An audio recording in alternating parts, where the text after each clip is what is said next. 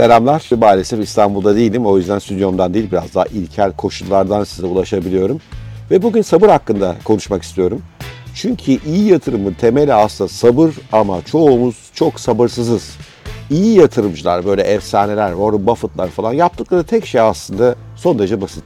İyi şirketlere yatırım yapıp bu iyi şirketlerin iyi olmasının piyasa tarafından anlaşılıp değerlerin artmasına kadar sabrediyorlar. Oysa çoğumuz bir şey alıyoruz hemen ertesi gün değer bekliyoruz. Bugün sabırın gücü üzerine konuşacağım ve sabretmek konusunda birkaç tane önerim olacak siz değerli yatırımcılara. Hazırsanız başlıyoruz.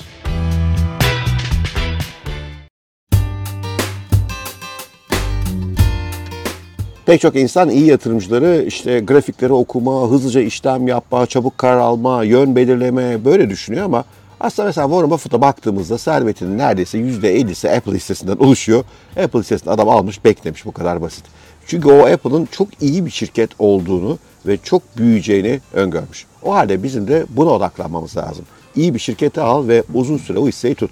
Ama burada da bazı sorunlar yaşıyoruz. Bir tanesi çoğu iyi sandığımız şirket iyi değil. O yüzden iyi bir şirket olup olmama kriterini bir görüyor olmamız lazım. İkincisi şirket iyi olunca bu sefer de ucuz olmuyor. Mesela Apple'a şu anda ucuz diyebilir miyiz? Tesla'ya ucuz diyebilir miyiz? Pek ucuz olmuyorlar. Ve üçüncüsü de pek çok zaman aslında hiçbir şey yapmamız gerekmiyor. Yani iyi bir şirketi iyi bir fiyatla görmüyorsak hiçbir şey yapmamamız lazım. Ama dayanamıyoruz, gidiyoruz bir takım işlemler yapıyoruz. Bu da hep başımızı derde sokuyor. O halde sabrı geliştirmek lazım. Ama sabır demek yanlış şirkete yatırım yapıcı istediğin kadar sabret bir yere ulaşamazsın. O halde önce iyi şirket seçme kriterlerini anlamamız gerekiyor. İyi şirket olmanın bana göre temel kriteri iyi ürünlere sahip olmak. Şirketinizin iyi ürünleri varsa müşteri sadakati yüksek olacaktır. Müşteriler sizi başkana refere edecektir. Müşteriler tekrar tekrar gelip sizden alım yapacaktır. Müşteriler sizin onlara önerdiğiniz yeni ürünleri mesela çapraz satış fikirlerini mesela Apple'ı düşünün ne çok çapraz satış yapıyor değil mi? Bir telefon satıyor üzerine dünyanın aksesuarı. Bu tip çapraz satış fikirlerine daha kolay açık olacaklardır. Eğer müşteriler ürünlerinizi beğenirse bir ürün ekosistemine de girmek isteyeceklerdir. Yani şu anda işte görüyorsunuz önümde iPhone'la kayıt yapıyorum. Burada bir iPad'im var, notlarımı tuttuğum işte ekosistemin tamam bir parçası olmuş durumdayım. O yüzden her şeyin temel ürün. Çünkü ürünü kuvvetli bir şirket pozitif nakit akışı yaratır. En önemli mesele şirket değerlemesinde pozitif nakit akışı. Yani topladığı paranın harcadığı paradan fazla olması. Bunun içine her şey dahil. Yatırımlar vesaire her şey dahil. Gelen para çoksa daha fazla nakit yaratıyor demektir. Bu nakitleri bir kısmını tekrar yatırıma ayırır, bir kısmını da ileride belki sizlere temettü olarak dağıtır. Ama nakit akışı bol şirket olmanın kuralı da üründen geçiyor. O yüzden ben genelde tüketici ürünlü firmalarıyla ilgiliyim. Yani B2B'de de var mesela Palantir'de yatırım var. O sadece devlete çalışıyor. Ama bunlar istisna. Çünkü o tip şirketlerin müşterisi olup ürünü deneyimleyemiyorum. Ama ben deneyimleyebildiğim ürünlere sahip firmaları seviyorum. Çünkü o zaman o firmanın gidişatı hakkında daha gerçekçi fikrim oluyor. Ürün iyi mi? İyi deneyimler yaşatıyor mu? Müşteriler memnun mu? Tekrar almak istiyor mu? Başkana refere ediyor mu? Bunu görebildiğim şirketlere yatırım yapmayı seviyorum. Tabii B2B'de veya MTA'da yatırım fırsatları var mı? Elbette var. Ama onlar beni biraz daha zorlayan şeyler. Çünkü orada temel mesele olan ürünle müşteri arasındaki ilişkiyi göremiyorum. O halde temelimiz ürün.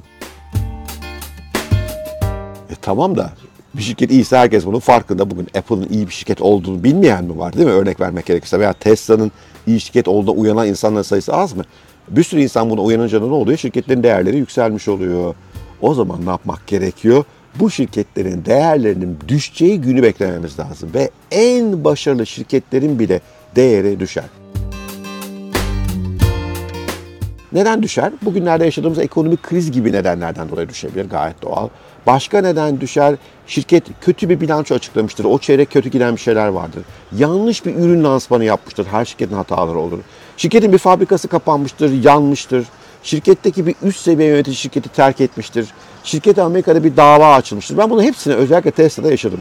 Bu tip durumlarda hisse senedi değeri hemen düşüyor çünkü bazı kısa vadeli yatırımcılar bunu hemen sat fırsatı olarak değerlendiriyorlar. İşte orada alım yapmanız lazım. O yüzden efsane yatırımcılar piyasalar düşükken bu tip şirketlere çok büyük yatırım yapıyorlar. Warren Buffett mesela bu son krizde acayip yatırımları artırmış durumda. Örnek vermek gerekirse sevdiği, beğendiği, kendince doğru olduğu inandığı şirketlere. O halde doğru şirketi fiyatının konjonktürel olarak düştüğü bunun yapısal bir etkisinin olmadığı şirketin eski günlerine tekrar döneceği inandığınız durumlarda gideceksiniz yatırımınızı yapacaksınız. Ve bu yatırım yaptıktan sonra biraz sabredeceksiniz. Çünkü bu geri dönüşler yani sert düşüşlerden geri dönüşler illa V şeklinde dönüşler olmayabilir. Yıllara yayılabilir. İşte burada sabır devreye giriyor ve sabır da maalesef çoğumuzun çok zorlandığı bir konu. Sabır konusunda neden zorlanıyoruz? Bunun temel sebebi portföy büyüklüğüyle ilgili aslında. Geçim paramızı oraya koymuşsak sabredemeyiz. Çok büyük bir yatırım yapmışsak sabredemeyiz. Mümkün değil. Portföyümüzün çok büyük bölümünde riskli varlıklara yer vermişsek sabredemeyiz. Sabrın sıkıntısı eğer oraya yatırdığımız para bizim üzerinde bize yaşamsal etkisi olan bir şeyse ona sabretmek mümkün değil.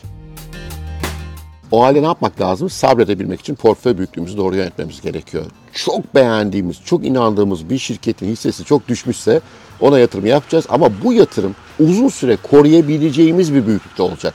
Çünkü o şirketin değerinin tekrar ne zaman geri döneceğini bilmiyoruz. İnsanların, yatırımcıların o şirketi ne zaman takdir edeceğini bilmiyoruz. Çünkü bazı durumlarda da nadir olarak daha şirket çok küçükken onun çok değerli olduğunu fark edebiliriz. Benim Tesla örneğin böyle ama insanların bunu fark etmesi yıllar alıyor. Bu yıllar boyunca sabretmenin yolu da o paraya ihtiyacınızın olmamasından ve kendi nakit akışınızın olmasından geçiyor.